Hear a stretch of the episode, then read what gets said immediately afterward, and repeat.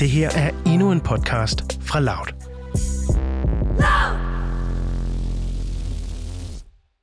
Velkommen til afsnit 4 af Ud af mørket. I de første afsnit kunne du høre om, hvordan Sille faktisk levede et forholdsvis almindeligt liv, selvom hun var cystisk fibrosepatient. I afsnittet her er vi fremme ved vinteren 2017, og der tager sygdommen for alvor om sig. Der blev hun ramt af noget øh, virus, et eller andet, som gjorde, hun havde feber og sådan forkølelsessymptomer i næsten tre måneder. Og det gjorde, at hendes lungefunktion faldt rimelig drastisk. Jeg tror, den faldt 12-13 procent hen over de der tre måneder. Og det var i forvejen fra en, en lungefunktion, der stod i starten af 40'erne til slutningen af 20'erne, lige omkring 30 procent. Øhm, og det var sådan der, det for alvor begyndte at, at gå. Det var sådan der, det for alvor begyndte at gå skidt.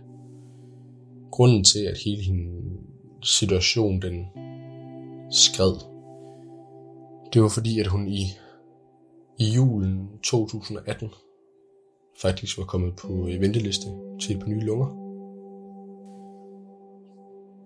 Den venteliste, den var der ligesom nogle kriterier, man skulle overholde for at kunne være på. Øh, en af de kriterier, det var, at man skulle have en vis vægt. Det havde været et problem i lang tid, men, men nu blev det et, et problem til et niveau, hvor hun lå på grænsen af, hvad der var acceptabelt i forhold til øh, at skulle være på den venteliste der til blylunger. lunger. Så derfor der blev det besluttet, at hun skulle have anlagt en PEG-sonde, som er en sonde, man ligger øh, direkte igennem maveskinnet og så ind i mavesækken, hvor hun så skulle have sondemad igennem. Og min umiddelbare tanke er, at, at det var ligesom den der operation, og det der med, at hun var i narkose, selvom det kun lige var en lille time. Øhm, og det smertestillende medicin, hun fik efterfølgende, som gjorde, at hun ikke kunne hoste igennem og sådan noget der, som, som simpelthen var, var, var, var dråben, der fik bæret til at flyde over i forhold til hendes, hendes krops udholdenhed. Men det, den, hun fik den lavet en mandag. Den lavede mandag tirsdag. Der, øhm, der siger hun, at hun får det dårligere. Øhm,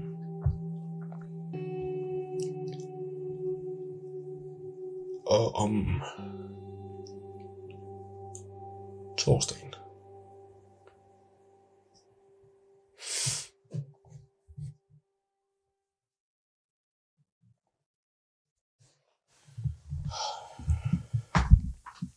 Om torsdagen får hun at vide, at hun ikke kommer tilbage på listen.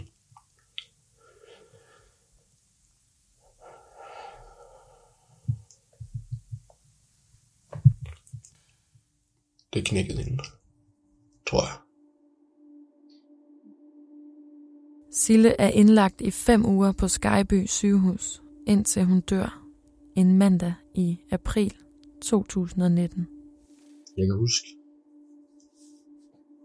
at jeg hele søndagen havde haft sådan, sådan tiltagende utilpasset.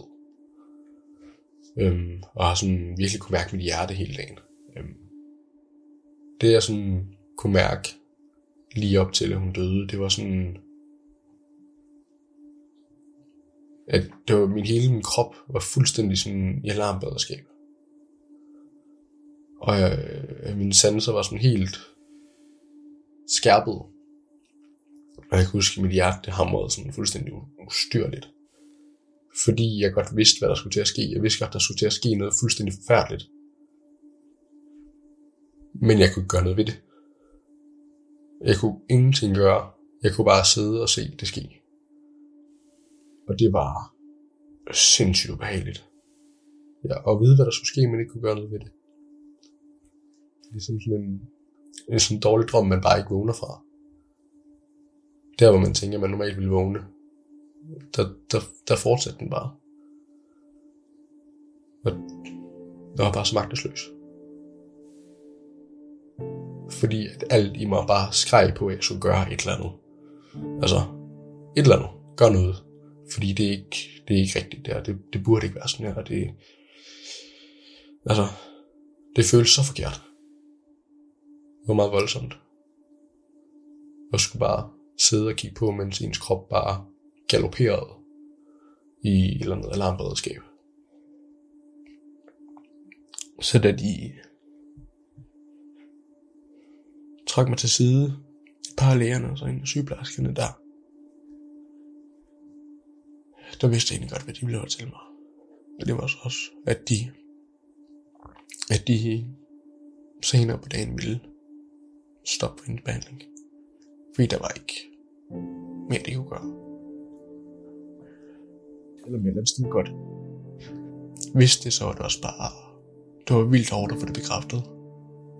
Og, og høre dem sige det højt, at, at nu skulle det altså dø. Silles familie og Chris' familie er samlet på Skyby sygehus. Lægerne har som det aller sidste forsøg på at redde Sille lagt hende i respirator dagen inden. Jeg, jeg sidder på en, på en stol ved siden af Sille, øh, og de andre de står sådan rundt om sengen og bag mig. Det er et ret stort rum, øhm, men hvor, hvor hende og sengen er midt i det hele. Og så er der de her to store flytbare søjler ved siden af, hvor alle deres elektronik og alle deres slanger og ting og sager kan kobles på. Ilt og sug og alle mulige ting.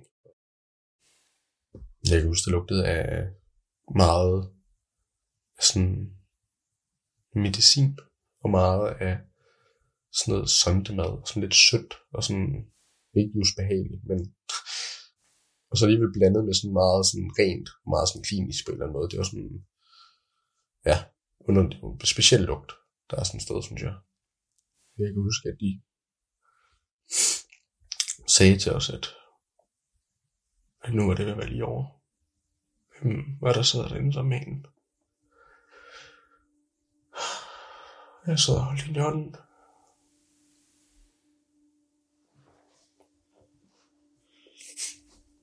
Jeg kan huske, jeg sad og jeg fortalte om nogle af de rejser, vi havde været på, og de gode oplevelser, vi har haft sammen og sådan noget der. Øhm, fordi det her, det har hun sagt, hun gerne vil have. Og så sagde jeg, at jeg elskede hende. Og at det var okay.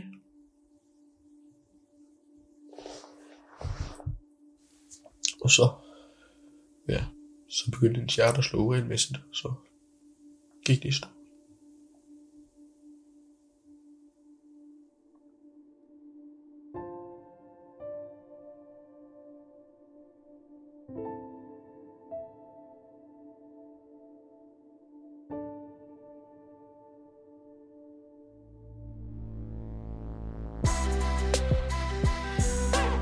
Det her var endnu en podcast fra Loud.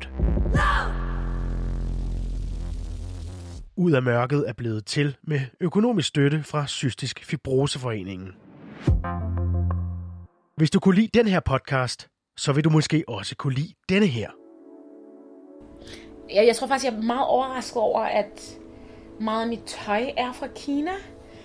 Øh, I hvert fald i forhold til også, hvor meget menneskeretskrænkelse der er i Kina